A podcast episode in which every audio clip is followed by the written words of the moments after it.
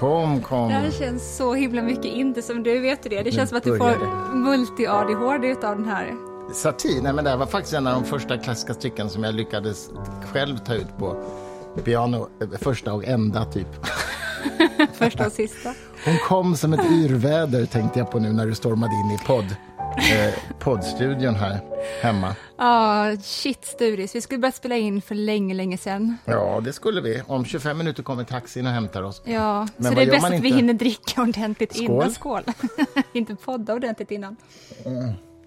Vad gör vi inte för vår publik? Vi har ju sagt att vi ska komma med en podd varje söndag. Då, då för resten av vårt liv, även efter vår död. Efter vårt liv, Vi ja, spelar in, vi spelar in tio poddar om dagen och så kommer de bara fortsätta komma. Vi är som avatarerna, vi kommer bara fortsätta producera. ja. Oh, Gud. Vi var ju faktiskt och såg avatarerna i London. Ehm, det var ju en märklig upplevelse. Vi har nu måste lite... du... ska dra ner musiken Jag får ADHD av det här istället. Ja, just det. Så, så gör vi. Men du, vi, kan, vi har ju lite olika feeling för den här märkliga showen. Men jag kan börja med att säga någonting om vad jag tyckte. Jag tyckte mm. ju att jag tyckte att de här virtuella avatarerna, på det håll vi satt, faktiskt var... Jag hade inte kunnat, om jag inte hade vetat att det var VR så hade jag trott att det var riktiga människor. Däremot när de projicerades upp på stora screens, då såg man att ögonen hade liksom lite grann saknade själ. Det, det, hade du inte väntat dig att jag skulle säga. Nej, men jag tänker också att du hade inga glasögon när du satt där heller. Och att du är lite äldre än jag. Du bara, mm, det här ser så riktigt ut. Fast du, jag behöver inga glasögon på, på sikt. Jag behöver är det bara, så? Ja, ja, ja, jag ser perfekt på håll. Aha. Det är bara när jag läser som jag behöver glasögon. Okay. Så det så. Sorry, Så den, den, grejen gick inte. Nej, det gick inte. Men vad heter innan jag glömmer bort det, ja. vi ska såklart eh, orera runt mer om ABBA. Men eller inte, ja. Ja, eller inte. Satie, som vi lyssnade på nyss, mm. det bestående minne jag har av biografin som jag läste om honom, det är att han, eh, minns inte vilket eh, område i Paris han bodde, men han gick var, hur som helst varje dag till Notre Dame mm. för att titta på gargolerna. Vad är, Vad är en gargoll? Nej, ingen aning. En gargoll är en stenskulptursutnjutning från en kyrka. En sån Oftast demon, en typ. demon. Ja, men okej, okay, jag hade någon slags föraning om det ändå. Jag har nog hört det någon gång. Ja, Mm, de här som ser ut som, eh, ja, som demoner. Som kommer till liv i ringarna från Notre Dame, enligt eh, ja, Victor Hugo. Så börjar de leva och är hans kompisar, mm. ringarens kom polare. I alla fall, Satie gick varje dag till Notre Dame under tiden som han komponerade, ja, hela sitt vuxna liv egentligen, som förvisso blev relativt kort, för att titta på de här gargolerna. Det var hans bästa kompisar, eller det var hans eh, rutin som gjorde honom trygg. Mm. Jag tror att han var djupt, alltså jättedepressivt lagd, tror jag. Satie? Verkligen. Det hörs ju nästan lite i hans Visst hörs det, ja. verkligen. Och apropå det så måste jag bara passa på att flika in en annan historia. Um, för jag hörde en sån otrolig grej om en man vars farfar hade tagit hela sin familj från Venedig uh, veckan innan de började deportera judar 1944. Mm. Mm. Man deporterade ju judar från Florens och ifrån Venedig under andra världskriget. Mm. Och man började med det här relativt sent, alltså 1944 började man med deportationerna. Mm. Och det var ju för att Mussolini hade blivit eh, fyrens, eh, vad kallas det för, knädocka? Knähund. Knähund. Eh, först efter det att eh, partisanerna i Italien lyckades tillfångata Mussolini. Det var ju ett fullskaligt inbördeskrig ja. i Italien och den inhemska armén slogs mot partisaner.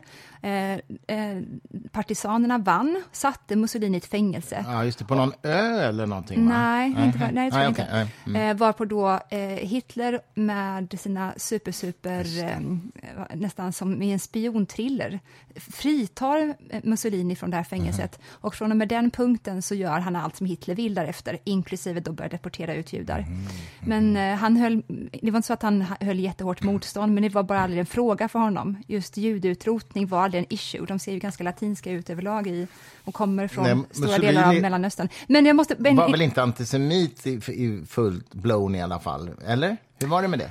Eh, antisemit det, jag, det, kan jag inte nog för att uttala mig om. Vad, vad, jag vet i alla fall är att hans dotter var gift med en jude och han mm. hade judiska ministrar, så att han mm. kan ju inte kanske varit fullskalig antisemit. Vi såg ju en dokumentär nyligen om honom, där man ju fick en känsla av att han Eh, liksom vek ner sig, som du sa, för Hitler. Inte så att han liksom helhjärtat gillade Hitlers extrema... Vet du vad det här är för någonting? Nej. Det här är ännu ett exempel på Nietzsche och Wagner, Jung och Freud och det är ju också Hitler och Mussolini. För att eh, Hitler såg ju upp jättemycket till Mussolini. Eh, Mussolini tog ju makten Mm. redan 1922.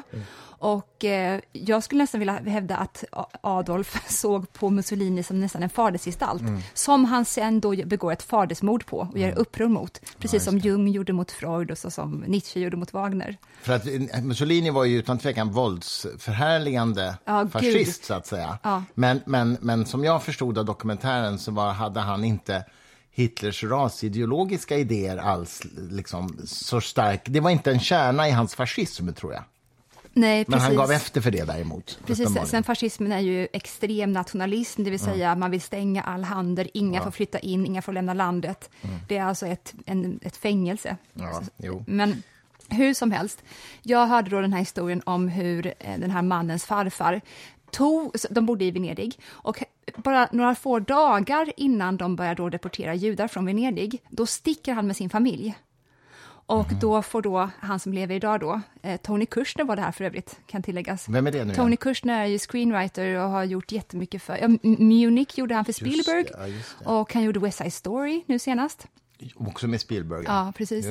Och då fick Tony Kushner frågan, men hur kommer det sig att han kunde ha en sån fingertoppskänsla, din farfar, och dra från Venedig så pass fort? Och då svarade Tony Kushner bara, jo men du förstår, han var djupt depressivt lagd.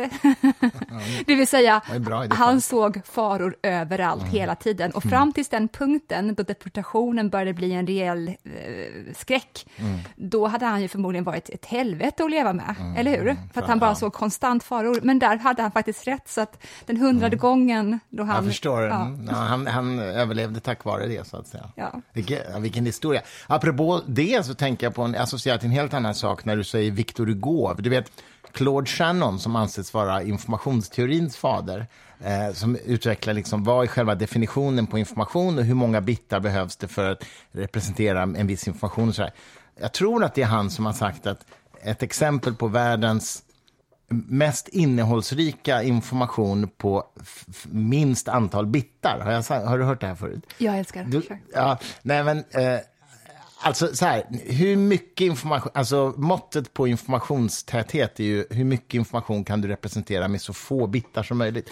Och då är ju det alltid beroende av kontexten. Och då har han exemplet att Victor Hugo, efter att han har skrivit Samhällets olycksbarn, äh, eller Miserable alltså, åker iväg till någon semesterort eller en ö eller någonting, jag vet inte vad. Och sen eh, då har lämnat manuset sin förläggare och boken kommer ut och han håller sig borta då från, från landet. Och han skickar då bara ett telegram till sin förläggare med ett frågetecken på. Istället för att skriva hur går det för min bok, säljer den och så vidare, så skickar han bara ett frågetecken. Och telegrammet tillbaks till Victor Hugo är bara ett utropstecken. Och, och den, alltså ett frågetecken och ett utropstecken, men det sa allt. Visst är det bra? Ja, jag älskar det, fast jag måste pilla lite grann Mm. också. Eh, för att jag som har så svårt att tolka saker Mm. ibland, om jag hade fått tillbaka ett utropstecken från min förläggare Håkan Bravinger, då hade jag ju brutit ihop, för Mm. då hade jag tyckt, vad fan har du gjort? Det hade det betytt i min värld. Ja, Men de kanske hade en sån upparbetad relation sinsemellan Ja. då som jag och Håkan Bravinger eventuellt aldrig får. Jo då. Du är ju du är ju på fasen på slutspurten på din andra bok nu redan. Ja, Det är inte slutspurten är jag inte riktigt på. Nej, Vi håller på me- mecka med den. Du skriver frenetiskt. Har du, do. är det offentligt vad den ska heta? Jag har ju sett ett Ja. omslagsutkast redan. Ja, Nej, eh, den heter Den förklädda guden. Eh, förklädda guden. Och ehm, Det påminner om eh, hon. när du tänker på Hjalmar Gullbergs... Ja, det går en förklädd gud ibland oss. Ja, så, det var ju jättekonstigt. Ja, men det, hon, det, det, läses ju ofta en gång av... till, Nej, inte alls. Det går en förklädd gud ibland oss. Och han heter Moomin. Han heter Mumintrollet. Nej, men vad heter den skådespelerskan? Du tänker på Stina Ekblad, Stina man får inte håna Stina Ekblad Nej, egentligen. Stina Ekberg är en gud Stina på Ekblad, riktigt som går otroligt- ibland oss. En otroligt vacker finlandssvensk dialekt har hon. Ja, jag tycker det är jättevackert. Mm. är det så vackert. Det är så sensuellt faktiskt. För Ja, inte när jätte- kanske eh, pratar så. Jag, går inte igång när Arja pratar så. Nej. På sitt. Men eh, i alla fall, Spelar inte hon en roll i Fanny och Alexander? tack. Hon spelar ju, eh, antingen så heter hon Ismael eller Isak i Fanny Alexander. Och när då eh, antikvitetshandlaren som är judisk eh, lyckas eh, ta barnen från den onda prästen, då tar han barnen till sin antikvitetsaffär och säger till dem, ni får inte närma er den här delen av eh, fastigheten. Och självklart så, som barn gör, eh, när Alexander vaknar på natten så söker han sig ut i den här antikvitetsaffären. Och där kommer han fram till en stor bur. Och i den här buren så kliver en gestalt fram. Och det är Stina Ekblad som spelar man. Och hon har helt bortrakade ögonbryn. Och hon, Alexander står och kramar om de här gallerspjällen, eller vad det kallas för. Och hon kommer och sluter sina händer runt hans händer. Och så ser hon honom i ögonen och säger, kanske finns det inga gränser. Kanske flödar vi ut och in ur varandra. Och så vidare, och så vidare. Och under tiden som hon läser det här otroligt intensiva, vackra och otäcka, så ser han samtidigt vad som händer på andra platser i, i hans familj. Han får syner. Wow. Ah, det är så bra! Vad häftigt. Ja, vad det är så häftigt. bra. Och det här med bortrakade ögonbryn, det, det, det signalerar ju någon slags androgynitet. Men jag undrar Mm. varför det gör det egentligen? För både män och kvinnor har ju ögonbryn. Så varför? Ja, jag vet. Precis. Jag vet faktiskt inte. För det hade nämligen också Ziggy Stardust, alltså David Bowies alter ego i början på 70-talet. Han hade också bortrakade ögonbryn. Ja, Det man... det där kan man verkligen analysera. Men det är nästan en könlöshet som jag tycker infinner sig när man tar bort ögonbrynen. Ja, men varför då? Man, man, man är varken man eller kvinna, Ja. faktiskt. Och det måste ju vara då för att ögonbrynen signalerar tydlig, tydligare vilket kön man är. Och tar man då bort dem så blir det mera blurry. Så måste det ju vara. Mm. För, efter, för min poäng var att både män och kvinnor har ju ögonbryn så att säga. Så att det, det borde inte göra någon skillnad. Men Mm. det gör väl det ändå. För man tar bort någon slags signal Ja. om vilket det är. Plus. Ja. sen så är det så att alla människor, oavsett kultur och tid, pratar väldigt mycket med ögonbrynen. Mm. Eh, när vi vill gestalta någonting eller förstärka någonting verbalt, då rör sig ögonbrynen Mm. som en förstärkningsmekanism. Och ifall de försvinner så blir det ganska otäckt och stumt. Nu märkte jag att min mobiltelefon är på, vi behöver inte klippa bort det här ens. Nej, jag, vi nej, det gör ingenting. Jag, jag gör ingenting alls. Eh, Jag tycker att du kan återgå till ABBA, så bara springer jag och stänger av den under tiden. Ja, okej då. Nej, men alltså, det är klart att det kan vara kul att nämna någonting om det i alla fall. Vi åkte ju till London eh, eh, av andra skäl från början, men det kan vi återkomma till, för det måste du berätta mer om än vad jag kan göra. Men vi åkte ju också, vi blev ju faktiskt bjudna utav Björn Ulvaeus, tack så mycket Björn, på den stora galapremiären på ABBA Voyage då, som, eh, som görs i en teater byggd av Björn och Benny som ligger, tror jag, i närheten av Dockland, som jag fattade rätt vad vi var. Vi passerade igenom Dockland i alla Ja. fall. Men det här området var samma som O- OS. Eh, Arenan. där. arenan fanns ja, i. Och som man började rensa upp. Det var slum tydligen fram tills att man byggde OS-arenan där. Ja, men det stämmer nog. Och det är alltså en teater som tar 3000 platser och då oerhört mycket teknik. Jag läste någonstans att det var 30 000 lampor som kan kontrolleras individuellt, så att säga, utav datorprogram. Och eh, showen som vi såg var ju otrolig ljusshow till att Ja, börja det med. var det snyggaste. sänktes ner speglar från taket och eh, bollar eller vad det var med, som lyste på olika sätt. Det, det var ju extremt häftigt Ja, faktiskt. det var det. Och en slags ljuspuls som gick genom hela, hela salen, eller salen, hela teatern eller det här enorma. Runt omkring oss som, i, Ja. som en strålande famn Ja, som ja. kramade runt oss. Ja, nej, det, var ju, det var ju verkligen otroligt häftigt, det måste, det måste Mm, det var man det. Det var det verkligen. Man blev också förälskad i alla fyra tyckte jag. Ja, Faktiskt. de var ju där också och tog emot publikens jubel eh, på riktigt på slutet då. Mm. Något äldre då än vad de är i sina avatar, avatar, avatarformer. Men, men, men, Något. Men, något äldre. Men, Något men, år eller så bara. Något år eller så. Men, men jag jag kan ändå liksom känna att det var, även om jag tyckte det var otroligt välgjort och jag är ju lite tekniknörd så jag gillar ju själva tekniken i det här också. Men jag tyckte ändå det var någonting konstigt i känslan att när man applåderade efter en låt så kändes det som, vem är det jag applåderar till? Det är ju ingen där. Och eftersom jag visste att det inte var någon där Just i det här fallet var ju ABBA där i och för sig. De var ju, så i någon mening kunde man ju applådera till dem. Men man vet att de kommer att applådera alla kvällar som Ja, man bara och- inte är där, och- det vill säga resten. Ja, och det blir ju lite konstigt. Ja, och då blir du lite sådär att du får masspsykoskänsla. Ja, men jag, har ju, jag rycks ju inte med i sånt. Det, det, det märkte Du dansade ju. på, jag såg dig. lite. Herregud. Nej, nu ska jag du fick inte överdriva. trycka Det, ner dig i sätet. det var högst marginellt, skulle jag vilja påstå. Till slut, när, På partyt nej, efteråt nej, på- däremot. På, när alla under föreställningen står upp, alltså alla, då sitter du kvar. Du, sitter, du är liksom omgiven av en Ja. mur av människor. Ja, Till vet. slut säger jag, men nu får du faktiskt ställa Ja, dig exakt, det var det jag sa. Jag har jättesvårt för sånt där. Jag vet. Men på, på partyt efteråt så blev det några svängomar För där. att Carola tvingade dig, Ja, ja, i ja, ja, princip. ja, men det, ja, precis. Vad gör man inte Ja. när hon tjatar? Ja. Nej men äh, skämt åsido, eh, det var ändå en jättehäftig upplevelse. ja, det var det. Eh, det är ju så att man känner att det här har man aldrig varit med om något Och det var liknande. så underbart att göra det med dig också, älskling. Det var verkligen det. Ja. Nej, men det var mysigt. Vi, Men- bodde, vi bodde på ett mysigt hotell i Covent Garden, och, eller precis vid Covent Garden. Gud vad kul vi hade. Det var ju Spelade super- schack gjorde jättemycket vi. med varandra. Gud vad vi pratar också. Vi höll på att prata ihjäl varandra sista Mm. kvällen, för då tyckte du att vi skulle börja reda ut mitt gudsbegrepp. Var, det- jag höll på med något annat sinnessjukt också på förfesten innan ABBA-showen började. Och mitt gudsbegrepp måste vi också reda ut. Ja, Ja, jag har också ett gudsbegrepp som jag inte tror existerar förvisso, men det är en annan ja men då kan, vi bara, då kan vi bara då gå igenom allt du tror det inte innefattar. Ja, precis. Steg för steg för steg. Nej, men på Ja. ABBA förfesten, då stod vi hade världens längsta diskussion, du och jag, i ett hörn och drack alkohol och pratade om... eh, På var- minglet innan det Ja, showen, ja det va- gjorde vi. när, vad, vad heter det, när man tar bort eh, befruktade ägg och att man använder det. Stamcellsforskning, Stamcellsforskning pratade pratar vi du om. Ja. Det är sånt vi pratar om på Precis. Abbas Allt, mingelpremiärfest. allt ja. bara pågår omkring oss, alla kramas och pussas och har jättekul och vi bara håller på att prata om vi stamcellsforskning. ja, i såna 20 är vi.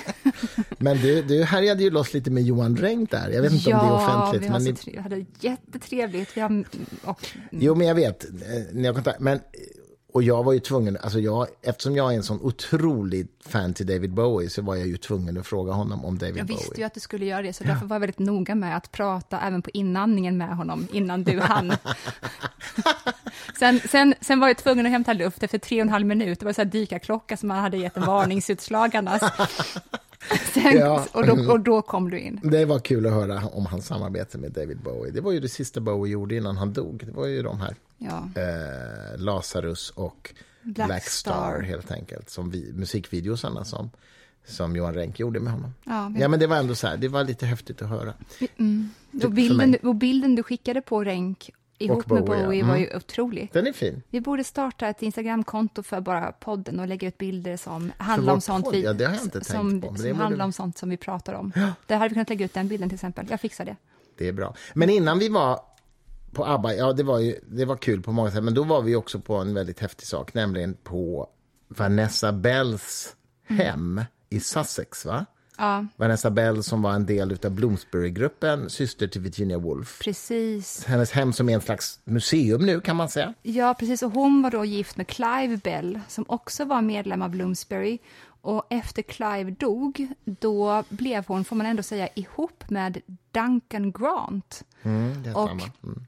Duncan var ju den tidens eh, stora stjärna och, eh, vad ska man säga, eh, primadonna i Bloomsbury-gruppen i alla fall.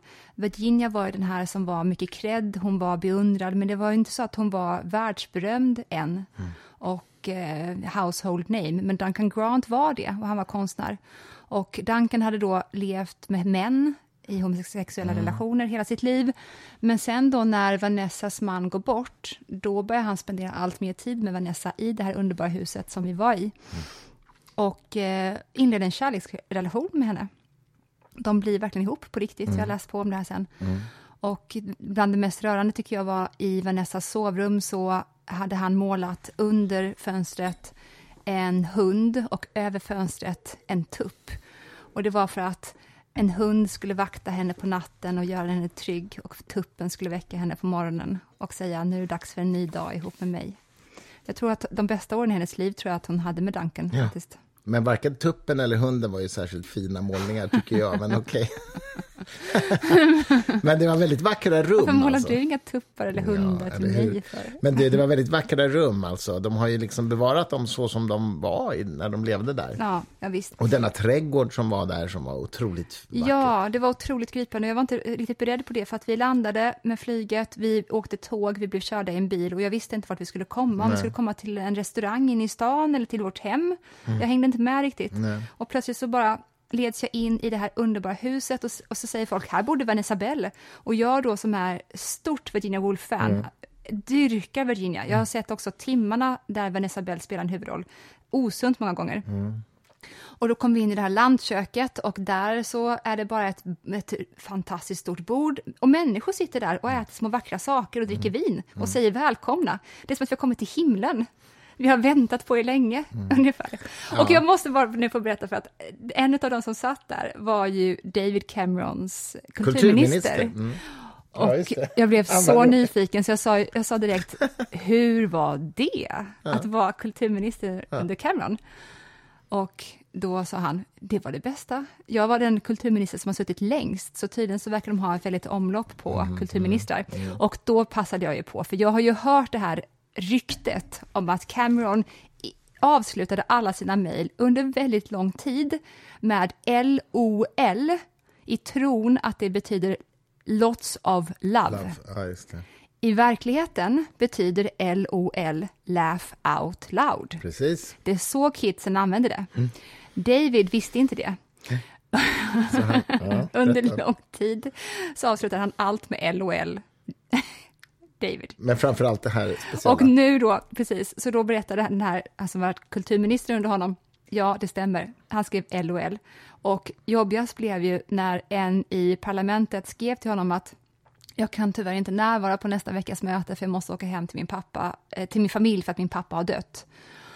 Och då skriver han tillbaka Cameron, eh, oh, I'm very sorry to hear that, LOL. Lots of laugh.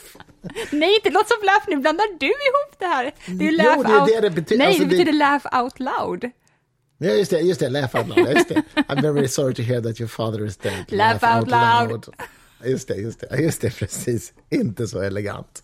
Han trodde det var något som love. Det är Stackars Cameron. kul. Jag tycker faktiskt lite synd om honom. Ja, jag undrar vad han gör idag. Han, sitter väl, han är, kör väl någon Anders Borg-variant och det grövsta. Sitter i en miljarder Ja, bankstyrelser, antagligen. hovar in. Men du, på samma lunchsittning med kulturministern där så var ju också chefen för Albert Victoria, vad heter det? Eh, Victoria Albert Museum? ja, och Eller eh, Royal Museum of Albert and Victoria. Ja, någonting åt det hållet. Ish, han var underbar i alla fall. Ja, men det, Jätte, han, han hade ju varit på en sån här genrep på ABBA-grejen, så han hade ju redan Ja, han gav ju oss en. Mm. förvarning om att det kommer inte kännas som att det är på riktigt.